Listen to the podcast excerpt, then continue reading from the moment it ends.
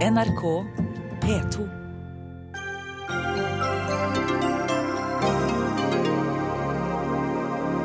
Sterke reaksjoner på at regjeringen setter Iran på oljefondets svarteliste, mens EU og USA lemper på sanksjonene. Kongen mener privatlaget i idretten er et problem. Uttaler han seg med det idrettspolitisk, og er det innafor rollen, spør vi. Og vi spør også om det er grisekrise når institusjoner bruker mindre svinekjøtt. Norsk kultur er i fare, mener landbruksministeren, som møter hoderystende motbør av Heikki Holmås i Dagsnytt 18.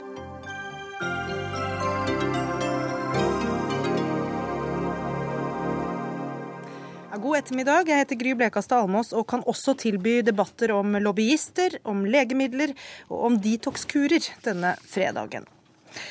Regjeringen har bestemt at Iran, sammen med Nord-Korea og Syria, havner på oljefondets svarteliste, slik at fondet ikke kan investere i statsobligasjoner fra disse landene. Og dette til tross for enighet på Stortinget om at oljefondet ikke skal brukes som utenrikspolitisk eh, virkemiddel. Kristian Norheim, utenrikspolitisk talsmann for Fremskrittspartiet og regjeringens talsmann her i dag. Eh, hvorfor gjør man dette? Nei, Det er jo først og fremst fordi at man eh, vil samstemme eh, det regelverket som allerede ligger i de internasjonale sanksjonene mot Iran, eh, opp mot det norske regelverket. Så det er samstemt på alle felt, også oljefondet. Og det ligger allerede der et forbud mot kjøp av statsobligasjoner i Iran, noe Iran for så vidt ikke utsteder heller. Eh, i det internasjonale sanksjonsregelverket. og Derfor er det naturlig at dette også inkluderes på eh, oljefondets liste. Og Det skal kunne gjøres unntaksvis at eh, land føres opp på såkalt svarteliste for oljefondet når det gjelder da statsobligasjoner. Og Det var da den forrige regjeringen som innførte dette her.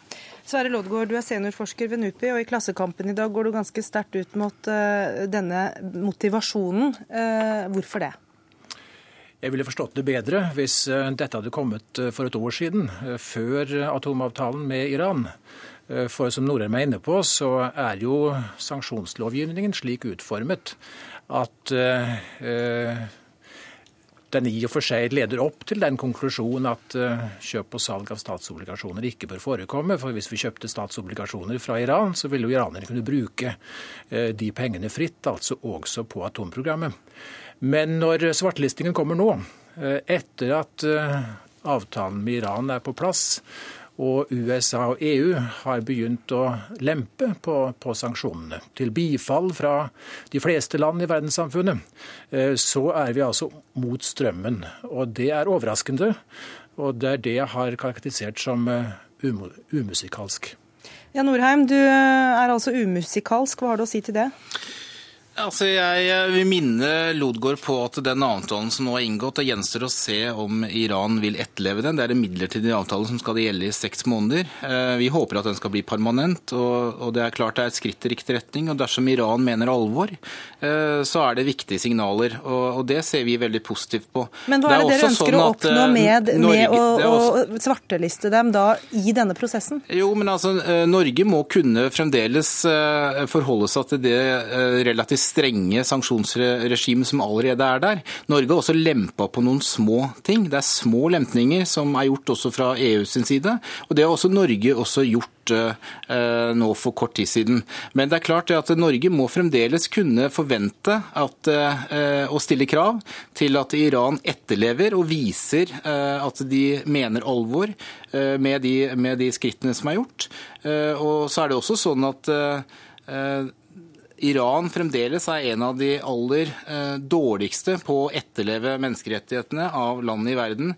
Og jeg mener at faktisk Norge som en humanitær stormakt skal kunne heve stemmen for menneskerettigheter, også på slike ting. Ja, Lodgaard, Hvilke politiske konsekvenser eh, mener du at dette kan få? Det er ikke sikkert at eh, det er mange som legger merke til dette. Eh, for det er jo et spørsmål om eh, symbolpolitikk, dette, som Norheim var inne på. Men i den grad folk registrerer det i omverdenen, så vil de vel heve øyenbrynene. Men jeg stusset jo litt over diskusjonene eller overveielsene innad i regjeringen da jeg så Norheim i Klassekampen i dag. For da avtalen med Iran var på plass, sa Brende at dette er en seier for diplomatiet, og det er en historisk avtale. Netanyahu sa det motsatte. Avtalen er historisk dårlig. Og så sier Norheim, om han er riktig sitert, at han ser ikke noe problematisk i å støtte Netanyahu og de i den amerikanske kongressen som vil opprettholde og utdype sanksjonene.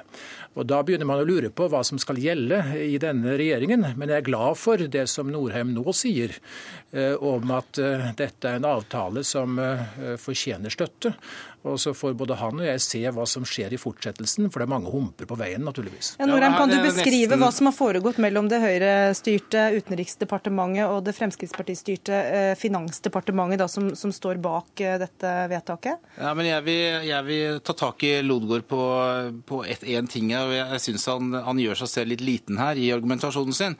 Eh, fordi at han setter nødvendigvis et spørsmålstegn ved om det er riktig argumentert bare fordi at man da nødvendigvis er enig med høyresida i USA eller den israelske regjeringen. Eh, hva om de da har rett i sine, i, i sine kritiske anmerkninger? Eh, det er jo ikke nødvendigvis et gyldig argument i at man da eh, stiller seg på den linjen som da flertallet i Kongressen har, og Israels regjering. Men er han inne på har... noe når han antyder at det har vært en dragkamp i regjeringen her? Eh, nei, ikke som jeg kjenner til. Altså, Frp har også sagt at vi eh, ser positivt på at en slik avtale kommer på plass. Men vi er kritisk avventende til hvorvidt eh, Iran faktisk har intensjon om å følge avtalen. Det gjenstår å se. Iran har altså tross alt de siste årene lekt katt og mus med det internasjonale samfunnet. Det er et av de dårligste landene når det gjelder oppfyllelse av menneskerettigheter. Et av de strengeste regimene i verden. Så det er klart det er grunn til at vi er skeptiske kritiske eh, til om eh, dette vil bli en, eh, en, avtale som gjelder for evig og alltid, noe som vi håper, eller om dette er noe Iran bruker på å kjøpe seg tid. Jeg syns Norheim gjør seg skyldig i en stor forseelse her. For husk på, Obama kjemper en durabelig kamp. Nett nettopp med folk i Kongressen og med Israel om hva som her skal gjelde. Han vil at eh, denne avtalen skal videreføres. Israel og de i Kongressen som Norheim uttalte seg om, kjemper mot den med nebb og klør. Og Da er det ikke likegyldig eh, hvilken side man, man, velger. Man kan ikke velge begge. Jo, men Poenget her er at Norge ikke bør gå i front for å ta de store lempningene på sanksjonene. Vi har vært med på å lempe, ta små lempninger på sanksjonene, noe EU også har gjort. Men det blir blir helt unaturlig og umusikalsk om Norge skal da gå i front for å eh, heve eh, store sanksjoner mot eh, det iranske regimet. Men her gjør dere altså det motsatte for første gang. Dere setter Iran på svartelista. Nei, vi kalibrerer det opp mot det som allerede ligger i sanksjonsregimet. Nå snakker vi om hvordan det internasjonale samfunnet altså, forholder seg til regimet i Iran. Og vi har med oss Mahmoud Amiri Mogadam, som er leder for Iran Human Rights. Du er positiv til regjeringens beslutning i dag. Hvorfor det? Ja, altså jeg må si at uh, det gleder mitt hjerte at uh, menneskerettighetene blir nevnes i det hele tatt. Fordi dessverre har det vært slik at uh, verdenssamfunnets reaksjoner overfor Iran i de siste Altså de viktigste reaksjonene har vært fokusert eller basert på atomprogrammet. Og etter min mening er det kortsiktig tenkning. Fordi Hvis vi tenker hvorfor trenger Iran et atomprogram, så etter min mening har det å gjøre med et regime som ikke har folkelig støtte. Vi kan jo trekke paralleller med Sør-Afrika. De hadde også et atomprogram, men fokuset var på apartheid. Og da apartheid forsvant, så forsvant også atomprogrammet. Derfor mener jeg at eh, det som har skjedd i Iran, det er uh, greit. Man har startet med atomforhandlinger. Det hadde man også for ca. ti år siden. Det førte ikke frem til noen ting. Men hvis vi ser på menneskerettighetene, så har det faktisk gått i feil retning. Våre tall viser at det er dobbelt så mange henrettelser etter presidentvalget i juni enn før.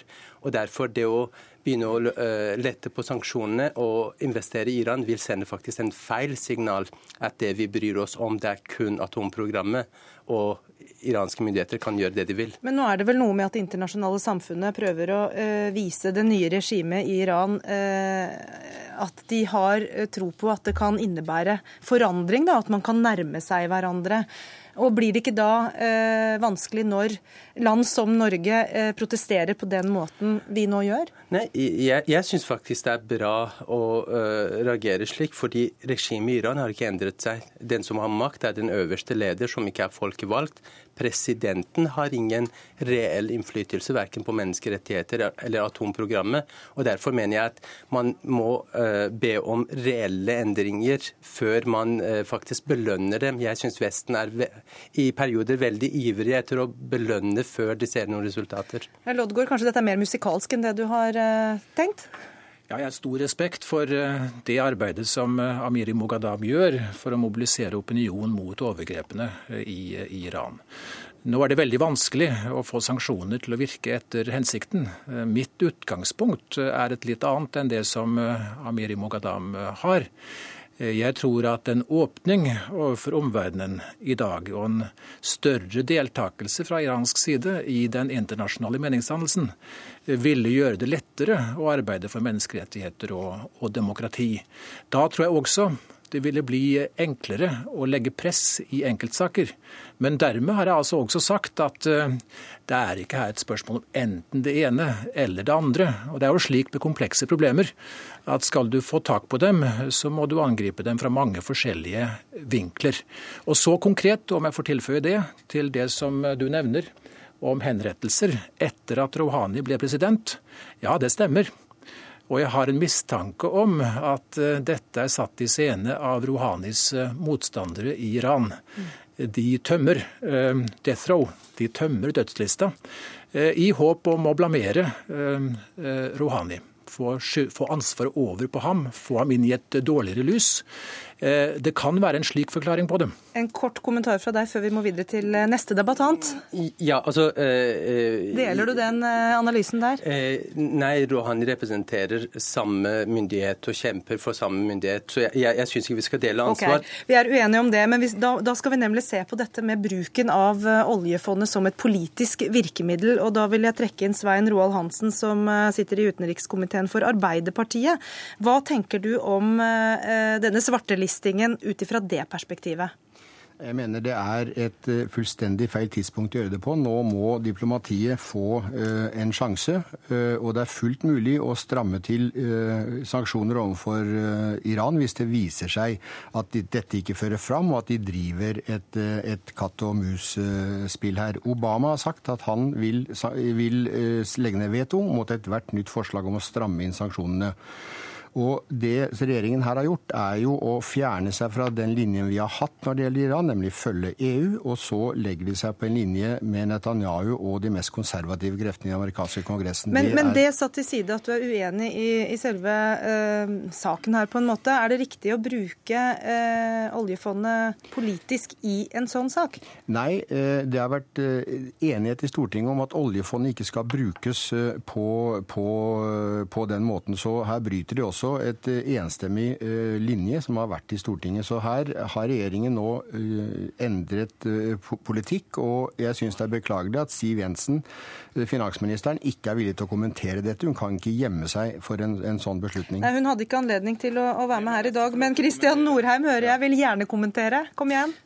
Altså jeg er litt overrasket over at Svein Roald Hansen, min kollega i utenrikskomiteen, ikke er bedre informert eh, om de prosessene som hans, forrige, altså som hans egen regjering, den forrige regjeringen, hadde.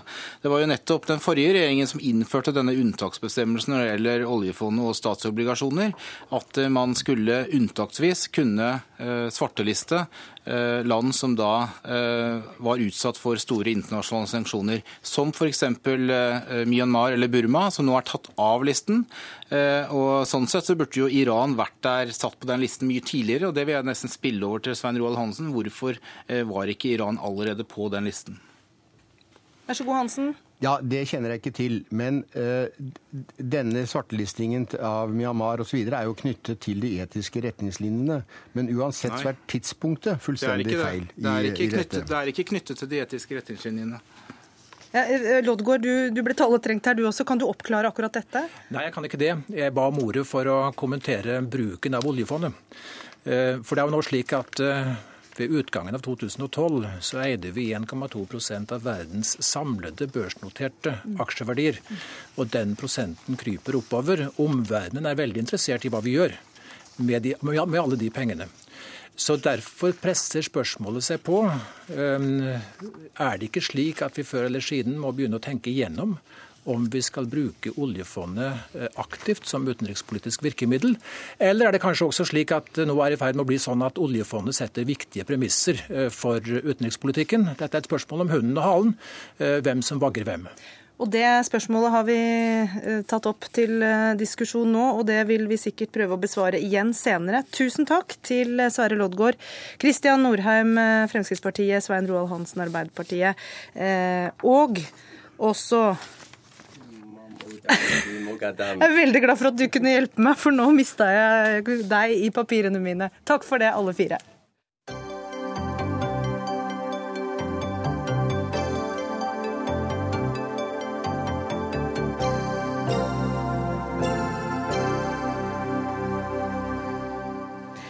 Det er ingen hemmelighet at vi har en eh, sportsinteressert konge, men det har vakt noe oppsikt at han nå går offentlig ut med sin mening om et eh, kontroversielt, høyaktuelt spørsmål.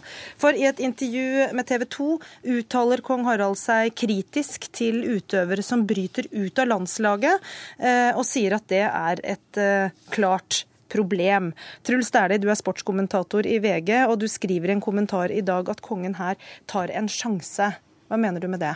Eh, jeg mener med det at uh, gjennom å uttale seg på den måten, så, så gir han jo inntrykk av å ta stilling i en, uh, en idrettspolitisk sak som det er stor diskusjon om, og som har vært diskutert lenge.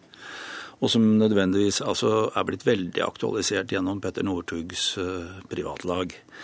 og det er klart at det er for så vidt ikke problematisk at kongen er engasjert eller eh, at han eh, sier noe, men han vil jo bli tatt til inntekt for det han sier eh, av noen, og da kan det bli et problem. For det er jo mye hyggeligere å ha kongen på laget enn kongen mot seg. Og Det jeg stiller spørsmål om, er jo om, om han har uttalt seg slik her at f.eks. Petter Northug og andre som, som er hel eller delvis privatfinansiert, føler seg som litt dårlige utøvere. Fordi kongen har gitt uttrykk for det han har gjort. Michael Tetzschner, stortingsrepresentant for Høyre. Du mener dette er uproblematisk. Hvorfor det? Ja, jeg har jo litt liberal holdning til ytringsfriheten, for høy og lav.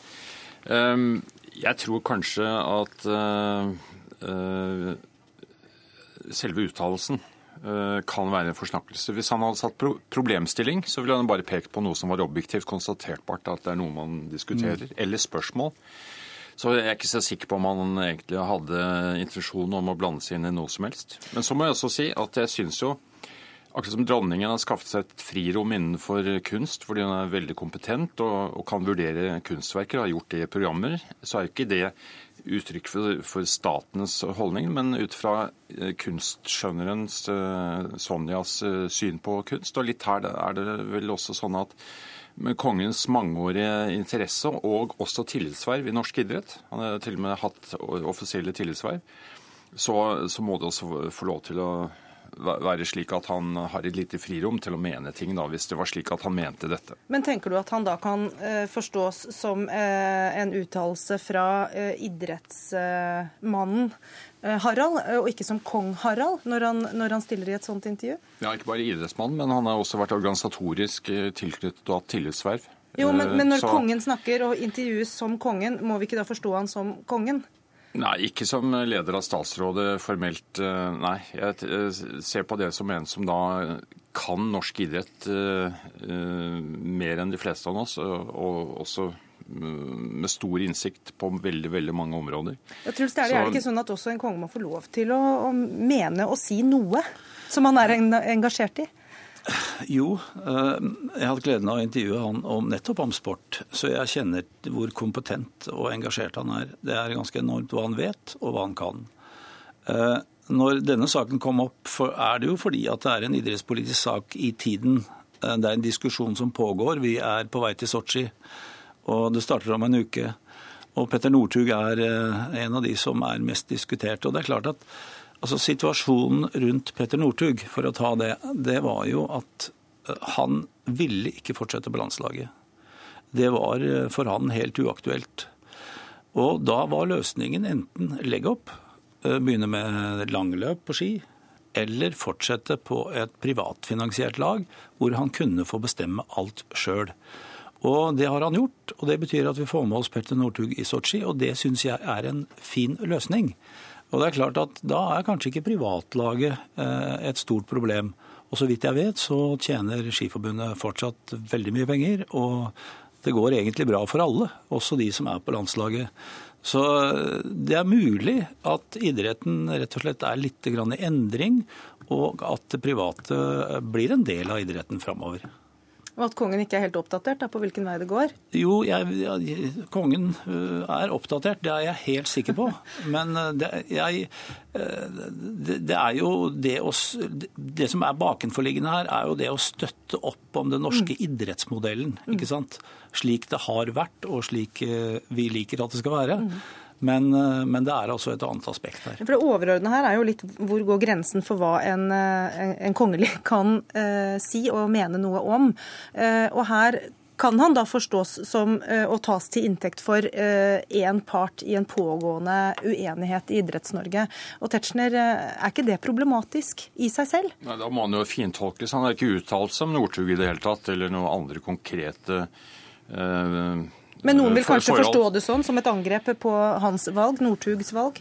Nei, det tror jeg ikke man skal eh, overdrive. Jeg tror eh, som sagt at han eh, mer erkjente at dette var en problemstilling, mer enn at det var et problem. Han har ikke anvist noen løsning på det, eller at det er hvor stort problemet er, eller hatt noen idrettspolitiske uttalelser som sådan. Hvor tenker du grensen bør gå for hva kongen kan engasjere seg i på den måten? Dette er fint innenfor, det må jeg virkelig si. fordi hvis det blir sånn at de kongelige ikke kan ytre seg om noe av substans som da er langt fra partipolitikken, og som er en flik av, et, eh, av samfunnet som, som, de har også spesiell eh, innsikt og interesse for.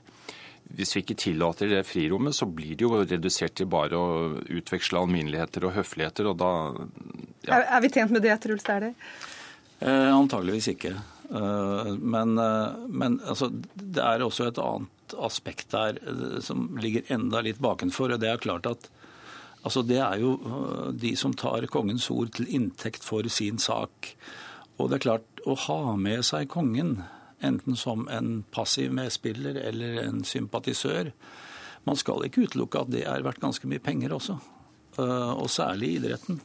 Og øh, nettopp derfor så er, det, så er det, tror jeg det er viktig for kongen å tenke gjennom når han tar stilling. Da sier vi takk der eh, til Truls Dæhlie, eh, kommentator eh, i, i, VG, og til Michael Tetzschner, men du skal få lov til å bli sittende over i neste sak.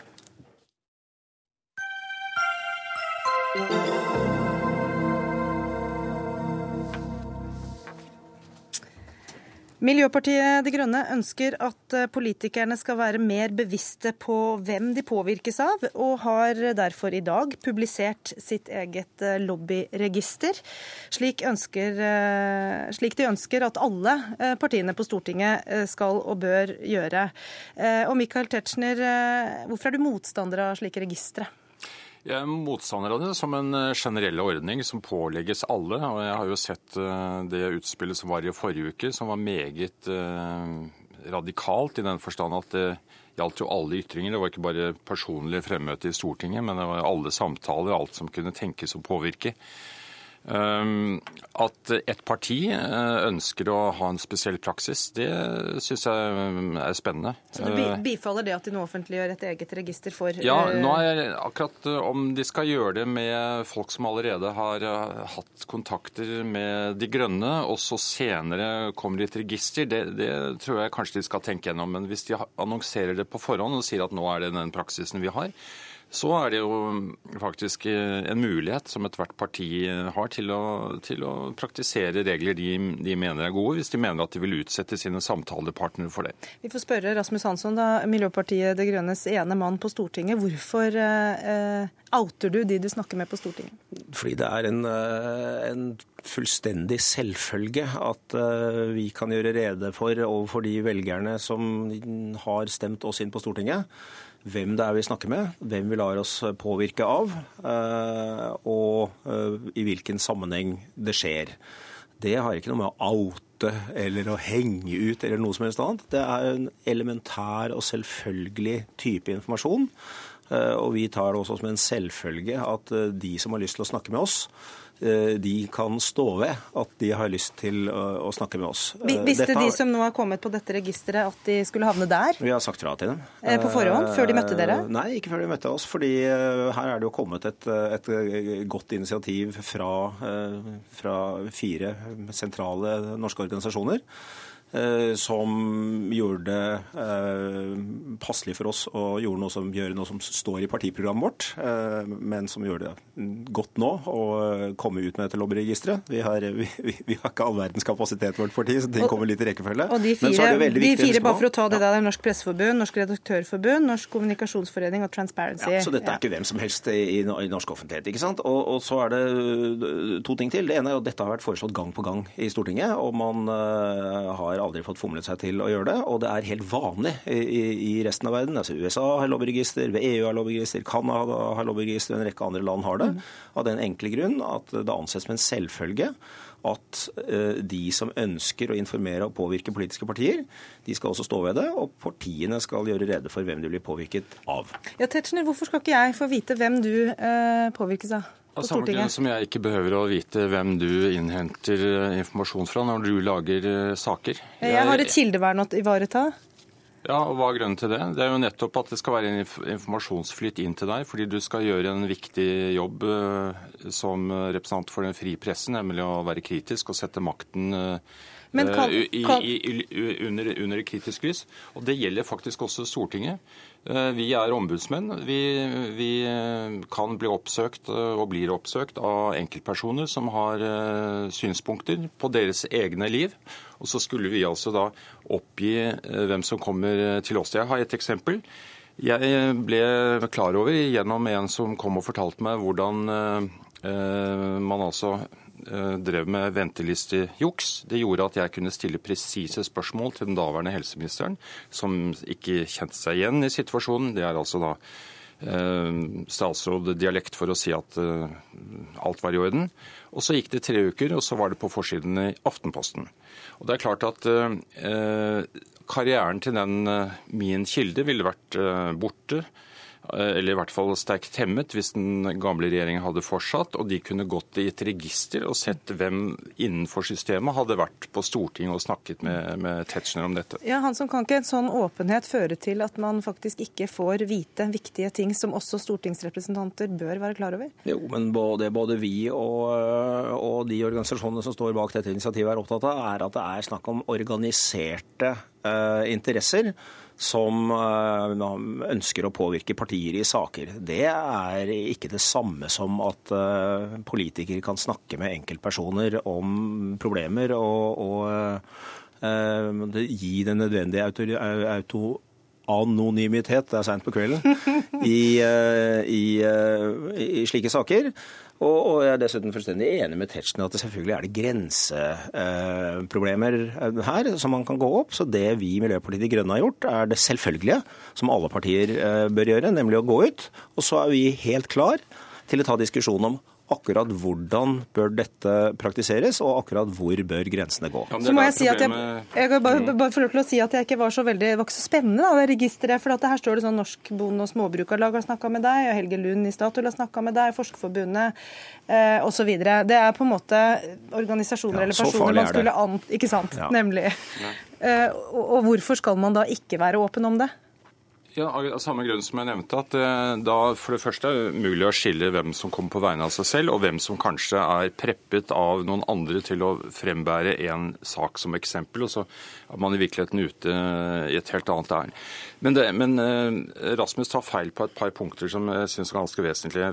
For det første, når han beskriver lobbyregistre i andre land, så er det jo bare tilgangsregistre. De, de registrerer jo ikke hva den enkelte medlem av Europaparlamentet hvem det som man møter, og hva som sies. og og det eh, forslaget du nå legger deg bak, det har jo heller ikke den eh, presiseringen som du hadde, at det bare var de organiserte interessene. Her er jo alle henvendelser. Og det er ikke engang eh, begrenset til møter, og det er ikke engang begrenset til kontakt til Stortinget. Det er også det hvem man treffer ute i samfunnet. Så vil du si at ja, dette skal vi se nærmere på. Men det er altså det systemet du nå har stilt deg bak. Og det er en grunn til at, og det, det, er, og det er en grunn til annet enn at man ikke har fomlet seg frem til dette i Stortinget tidligere. Det er jo nettopp det som også ligger i notatet fra Kommunikasjonsforeningen, at dette kommer til å heve grensen for det som er eh, henvendelser til Stortinget, som er de folkevalgte. Mm. Ja, Rasmus Hansson, du får få siste kommentar til det. Kan det ikke være litt eh, skummelt også at all type kommunikasjon skal ned på papiret? Nei, nå er det altså ikke sånn at Vi har stilt oss bak absolutt dette, hele dette forslaget. Vi har stilt oss bak prinsippet, og øh, vi er opptatt av at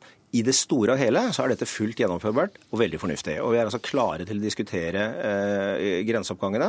Og det er ikke noe problem å komme til Miljøpartiet De Grønne som enkeltpersoner og snakke til oss enten på gata eller hvor det er. Men når det er organiserte påvirkningsinteresser, og det er det som er det viktigste i denne sammenhengen her, det skjønner alle, da er det høyst rimelig at de tør å registrere seg, og at vi kan gjøre rede for at Dette er ikke gjennomført noe sted i verden. og Neste uke skal jeg til Folketinget i Danmark og se på hvorfor de innførte det, og hvorfor de avskaffet det. Da kan da Norge gjøre et framskritt. Ble altså Miljøpartiet De Grønne det første partiet til å offentliggjøre sine registre, og Høyre blir ikke det andre, skjønner jeg. Takk skal dere ha.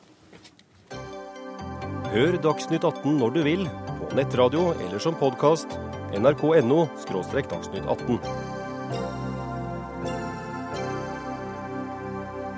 Vi har spist svinekjøtt i Norge gjennom alle år, og jeg mener det blir helt feil hvis vi i Norge skal slutte å spise svinekjøtt fordi er, eh, mange muslimer er flytta til Norge. Da må de få noe annet, og så får resten av befolkninga få svin. Dette sa du til Dagsnytt eh, i dag morges, eh, landbruks- og matminister Sylvi Listhaug. Hvorfor det? Nei, fordi jeg mener det er viktig at folk får tilbud om en variert meny. Jeg ønsker jo at folk skal få mest mulig valgfrihet.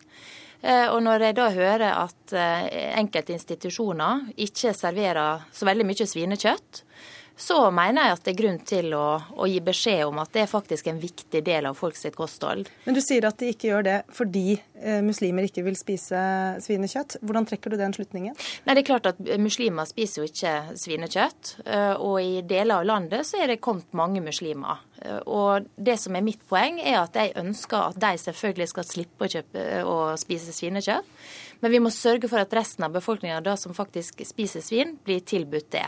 Og det er jo helt i tråd med spisemønster ellers. Altså Husk på det at svinekjøttet er det mest spiste uh, kjøttet av alt i Norge. Så hvis det er sånn at det er sjelden kost på offentlige institusjoner, så er ikke det i tråd med resten av befolkninga sitt uh, kosthold. Heike Holmås, dette har du latt deg provosere av i dag. Hvorfor det?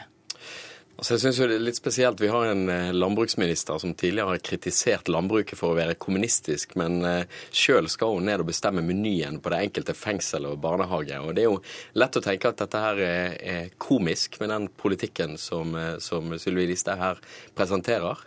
Jeg mener jo at folk må få lov å velge akkurat den maten de har lyst til å spise. Og det må være utgangspunktet for en landbruksminister. Ikke blande seg inn i, blande seg inn i at noen folk ikke bør spise uh, ja, en type kjøtt. Og Kanskje særlig en fra Fremskrittspartiet, eller? Valgfrihet er vel noe ja, dere er for? det er det vi er for, og det er derfor jeg mener at eh, folk må få lov til å spise svinekjøtt også i offentlige institusjoner. Eh, og hvis det er sånn at det blir veldig sjeldent servert, så er jo det stikk i strid med det, eh, altså det som folk gjør hjemme. Så hvis du skal ha valgfrihet, så må du jo også få muligheten til å spise kjøttet, og da må det være på menyen. Så Derfor så oppfordrer jeg da offentlige institusjoner til å sørge for at det er en del av det som blir servert, slik at han kan ha reell valgfrihet. Men du er for at, er for at jøder og muslimer og adventister skal få muligheten til å ha et svinekjøttfritt kosthold? Selvfølgelig, og det handler om valgfrihet. Jeg vil jo ikke tvinge noen til å spise noe som de ikke ønsker, men jeg ønsker å gi da majoriteten av befolkninga som spiser svinekjøtt, eh, det på menyen. Og når det de sier da fra eh, KLF, Kjøttbedriftenes Landsforbund, at deres sine eh, kjøttbedrifter sier at eh, det ikke blir laga så mye svinekjøtt på disse offentlige institusjonene, ja, så er ikke det i tråd med folk sitt spisemønster ellers, der svin er det viktigste kjøttet, det som blir brukt mest i norske hjem. Ja, nei, jeg skulle spørre bare Hvorfor eh, er det et problem hvis man da har et eh, fullverdig kosthold man serverer eh, som ikke inneholder svin? Hvis det er kyllingkjøtt eller andre typer proteiner som erstatter næringsinnholdet?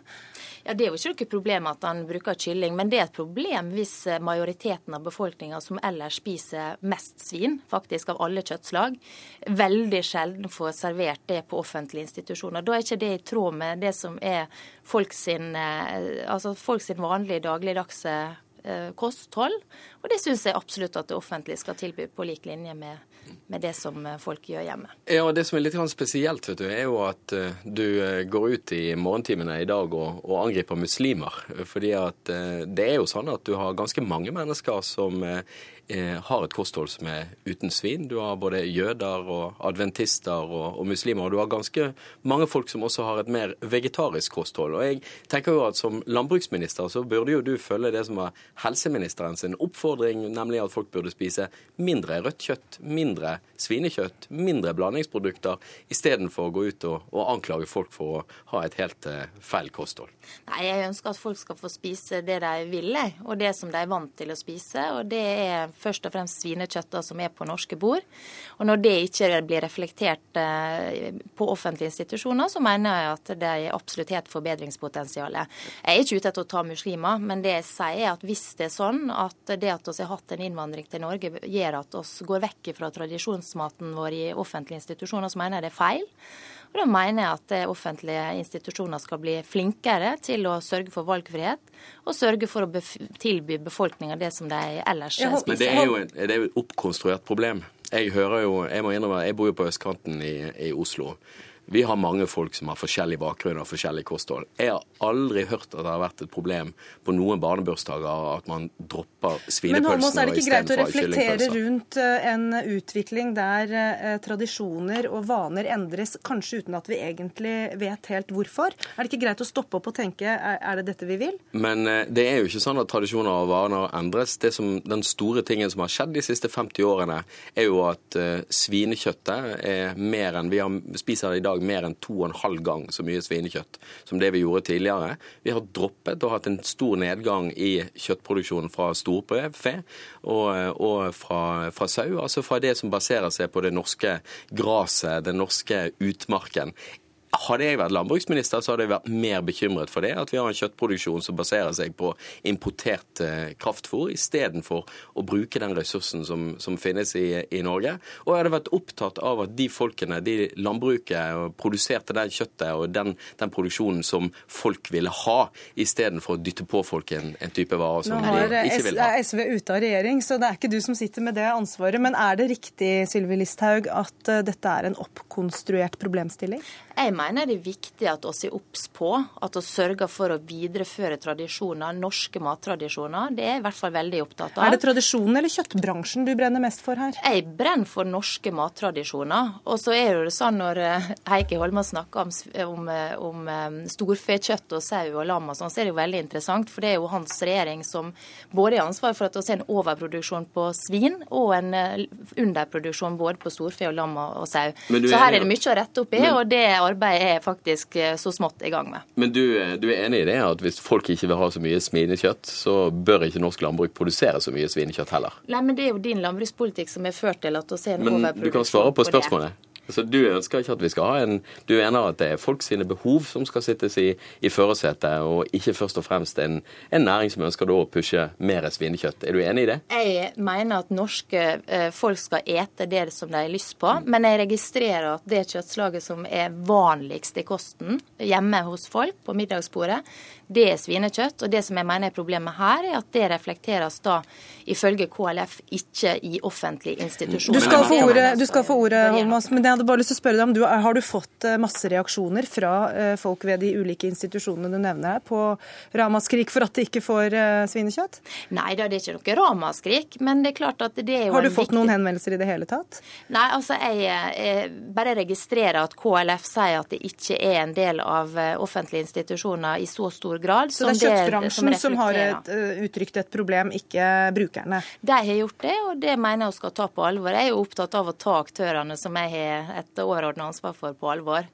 Det er jo jobben min. Ja, og jeg vil, jo, jeg vil jo si det så enkelt at uh, dette er heldigvis ikke en ting som landbruksministeren skal detaljstyre. Hun pleier å si at uh, staten har for mye makt, men det å gå inn og styre menyen de enkelte stedene, så håper jeg at hun holder seg unna. Litt sånn rollebytte her. Ja, men også, også vil jeg jo si det at hvis, du følger, hvis hun hadde fulgt oppfordringen fra Bent Høie, helseministeren, så hadde, vi altså, så hadde hun altså vært med på å anbefale at folk skulle spise mer grønnsaker, gjerne norskproduserte grønnsaker, og kutte litt på kjøttforbruket, for det hadde vært bra for folkehelsen i landet. Du skal få de fem siste sekundene, vær så god. Jeg skal ikke overstyre, men jeg skal stå opp for norske mattradisjoner. Det mener jeg er veldig viktig at vi gjør. Takk Sylvi Listhaug og Heikki Holmås.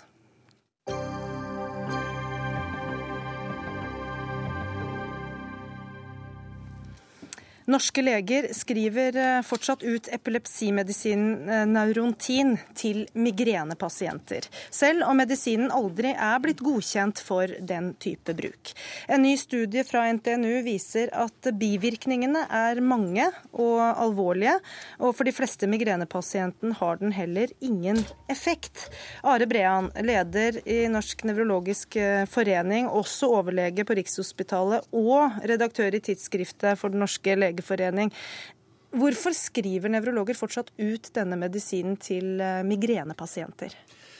Eh, Det det dreier seg om, er såkalt off-label-bruk, altså dvs. Si bruk av medisin eh, som egentlig ikke er godkjent for den indikasjonen.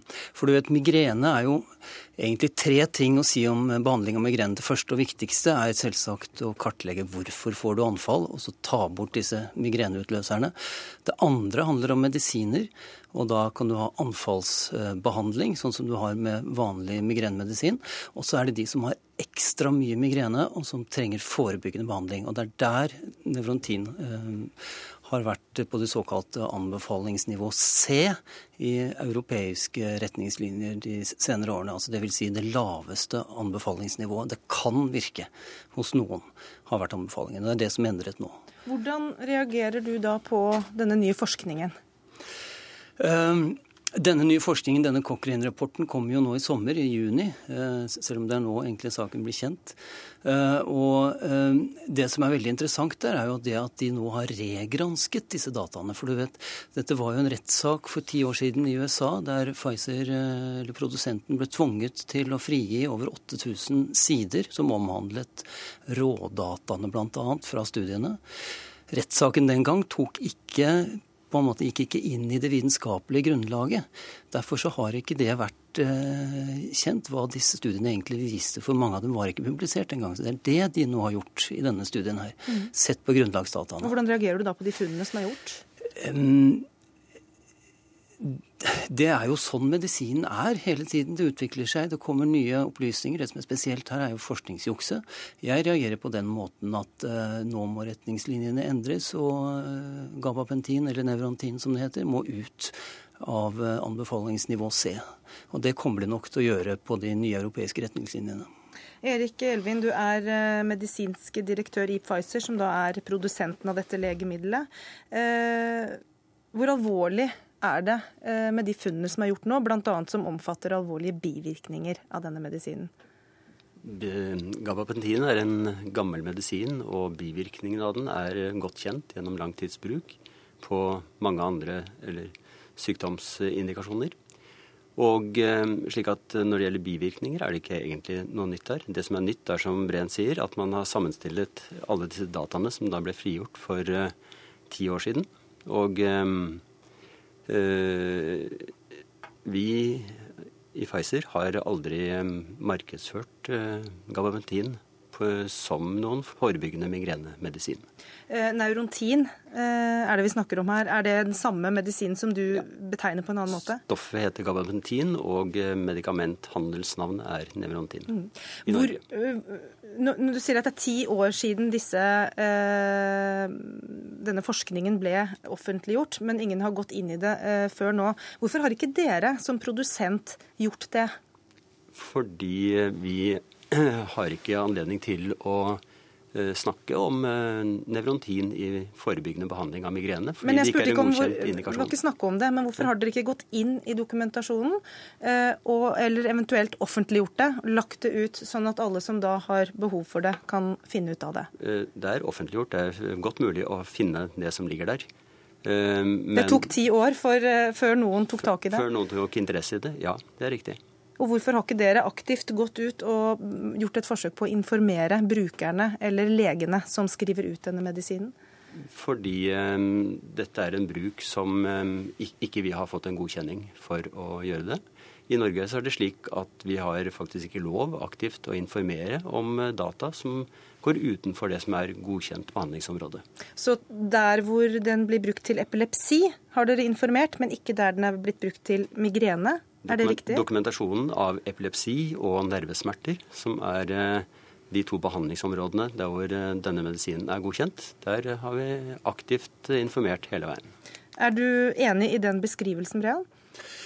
Eh, ja, det er jo sånn at denne medisinen er jo ikke godkjent til bruk for migrene fordi at eh, dokumentasjonen har vært for dårlig. Og Da sier jo reglene at da har ikke produsenten lov til å reklamere for det. Men det er ingenting i reglene som sier at ikke produsenten har lov til å publisere dataene fra de to av de tre studiene som ikke var publisert.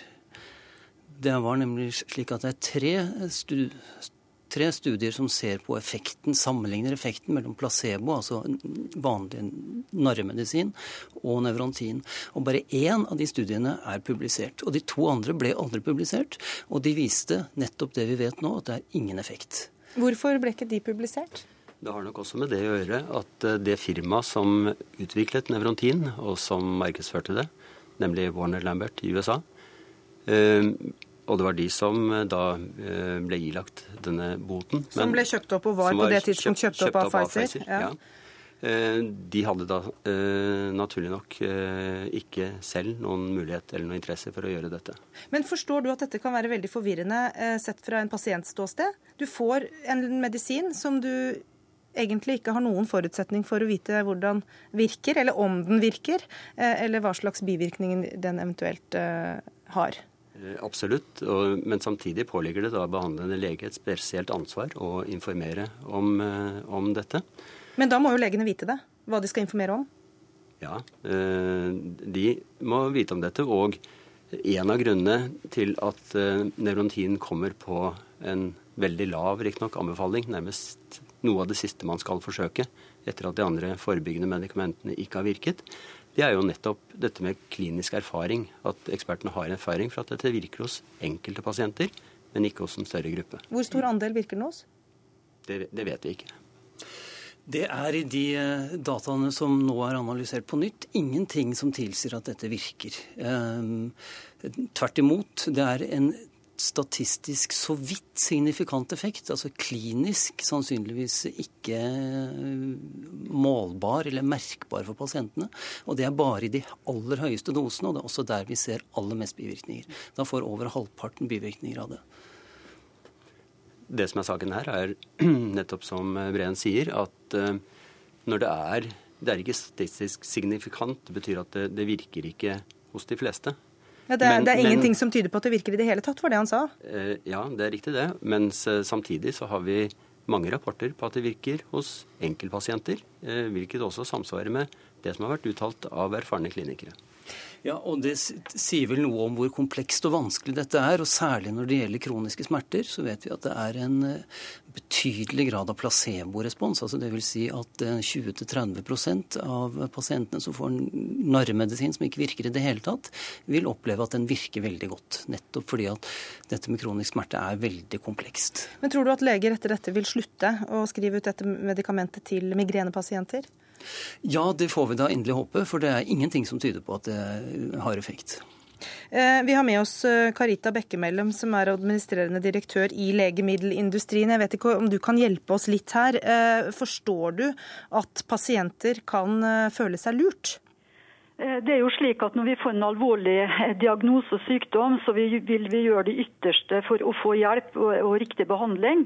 Og Denne saken her viser jo eh, betydninga av informasjon både til pasienter og til helsepersonell. Og Det denne saken viser, det er jo at norske leger har rett til å foreskrive medisiner uten noen godkjent indikasjon. Så jeg har lyst til å ta tak i én ting, at dette handler om noe mer enn publikasjon av data. Det handler om muligheten til å nå ut med en god informasjon til helsepersonell. Og Der mener jeg at vi i Norge er altfor dårlige. Legemiddelindustrien med over 4000 fagkompetente personer i Norge ønsker å være med og ta samfunnsansvar. Vi ønsker å bruke kunnskapen til å bidra til mindre og ikke mer sykdom. Det er det legemiddelindustrien jobber med. Men dere er vel også interessert i å tjene penger, og det som kan bli et problem her, er hvis pasientene eh, føler at det er inntjening som er det viktige, og ikke deres ve og vel? Jo, men det er det som er poenget her. Det er det at Industrien kan ikke ta ansvar for at leger foreskriver medisiner, kanskje eh, på et feilaktig grunnlag. Men legemiddelindustrien kan ta ansvar for at legene får den informasjonen de trenger for ja, å skrive det, ut riktig medisin? Det kan jeg gå litt eh, mer inn i. for at Vi har tatt flere initiativ, eh, bl.a. til flere helseministre på det. I Norge er det slik at alt legemiddelindustrien gjør av informasjon, ofte blir definert som ren reklame. Vi opplever i dag at mange viktige retningslinjer, nasjonale retningslinjer bl.a bl.a. på kreft, ikke er oppdatert. Det betyr at våre leger ikke har muligheten til å gi kanskje den korrekte informasjonen eh, og bruken av innovative legemidler som vi mener er nødvendig. Vi opplever òg faktisk at norske leger blir nekta å delta på faglige møter på sin fritid. Og Da må vi stille spørsmålet. Det er faktisk ikke slik at departementet, Helsedirektoratet, Kunnskapssenteret eller SLV sitter med en kunnskapsbank over hvordan alle medisinene vi har tilgjengelig skal brukes.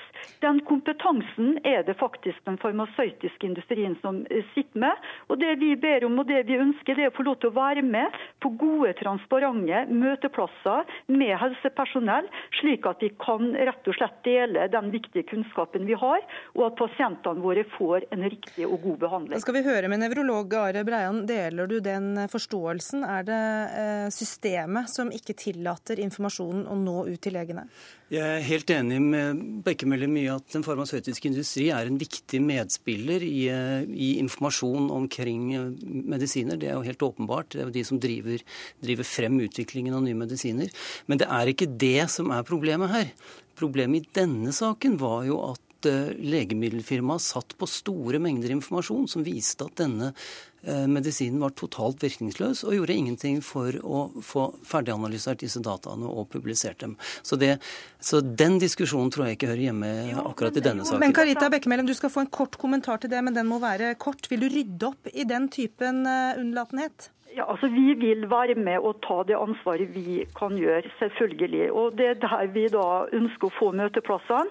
Nå så vi nettopp... Ja, Men her var det snakk om å komme med den informasjonen dere alle, allerede hadde? Vi ønsker å gi den informasjonen og dele den. Det er ingen problem. Eh, selvfølgelig må man ta hensyn til personvernhensyn, men utover det så vi, ønsker vi å dele den informasjonen. Da deles det ønsket, og der må vi sette strek eh, i dag i hvert fall. Karita Bekkemellem, Are Breian og Erik Elvin, tusen takk skal dere ha.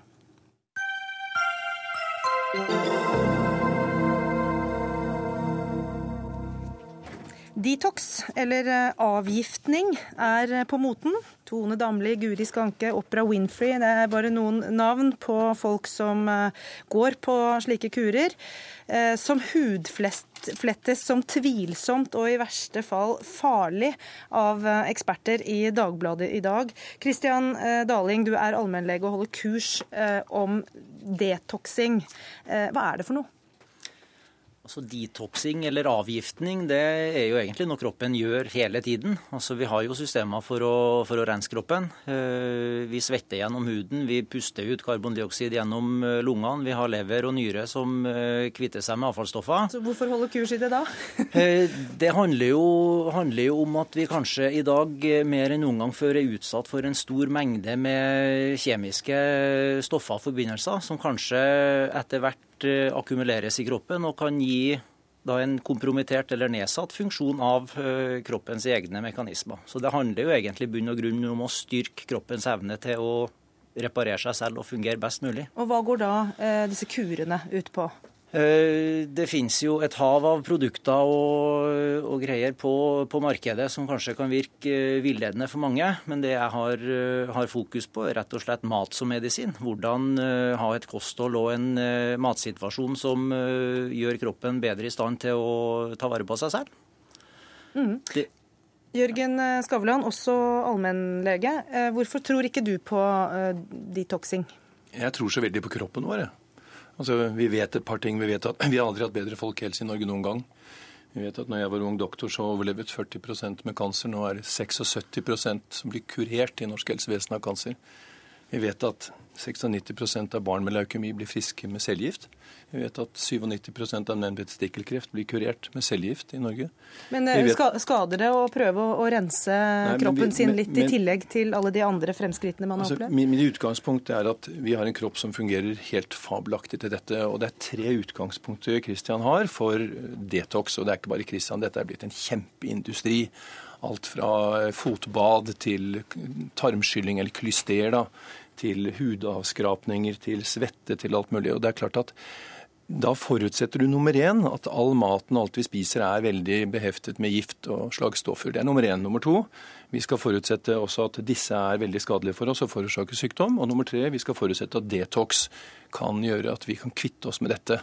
Og jeg stiller tvil ved faktisk alle disse hypotesene. Vi vet en del om dette. Vi vet bl.a. da, det er jo siste matforsk nå i fjor, var at eh, faktisk økologiske grønnsaker inneholder mer kadmium og nikkel enn vanlige grønnsaker. Det er ikke slik at økologiske grønnsaker er bedre for helsa vår. Det er bedre for dyrehelse, det er bedre for miljøet. Derfor støtter jeg gjerne det. Men vi blir ikke noe friskere av det. Jeg tror veldig på, eh, og det er litt sånn, jeg hører meg gjenta det, og vi gjør det jo alle leger. ikke sant? Vi snakker balansert kosthold.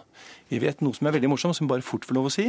Det er gjort en stor metastudie i USA på det som heter longevity. Det, det er altså hvem er det som får lov å bli frisk? Hvem er det som får lov å leve lenge? Så må du se på det og selektere hva slags mennesker er det. Det er ikke de som går i helsekostbutikken, bare så det er sagt. Det er de som lever med moderasjon. De drikker ikke for mye, de spiser fornuftig, de beveger seg. Det er de menneskene som bevarer helsa si, og som lever lengst. Er dere med på å utnytte folks eh, ønske om å, å leve sunnere eller ville noe mer? Nei, Det føler jeg overhodet ikke. Jeg føler at de, de som velger å følge, følge, de anbefalingene jeg gir på, på detox-kurs og, og, de andre matlagingskursene eh, vi har, så føler jeg at folk føler at de har en god effekt av det, og føler at kroppen rett og slett fungerer bedre. Men kan du dokumentere det, at de blir bedre? Eh... Det er nok for øyeblikket ingen store dobbeltblinde, randomiserte studier i henhold til hva skal jeg si, skolemedisinsk gullstandard som entydig viser dette. Er det noen studier i det hele tatt som peker på dokumenterer eh, ja, virkningen? Jeg vil jo si Hvis du ser på f.eks. innenfor fasting, eh, så er det jo mer og mer studier som dokumenterer en effekt av, eh, av fasting. Altså ser du i Det er noe annet. Ja, Det vil jeg ikke si, egentlig. Altså, av, fasting er jo en form for avgiftning. Det handler jo om å la kroppen få rense seg selv og, og styre kroppens, eh, kroppens, funksjoner. Eh, så det jeg anbefaler i forhold til avgiftning, er jo enkle, fasteteknikker. Eh, Men nå hører vi fra en kollega av deg her som mener at kroppen ordner opp i alt dette her sjøl, hvis vi bare ja. holder oss liksom innafor normalen. Ja.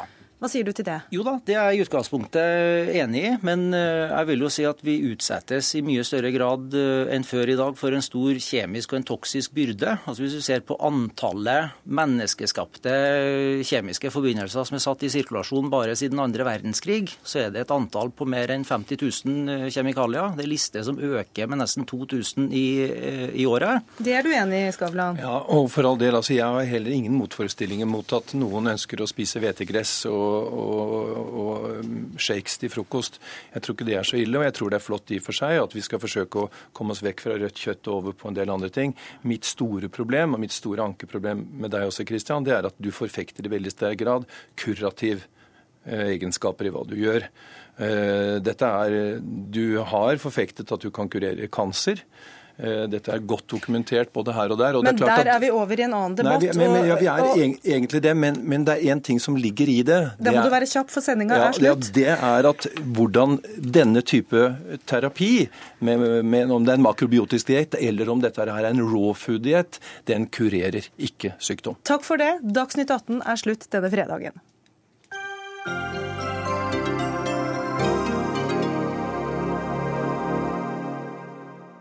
Hør flere podkaster på nrk.no podkast.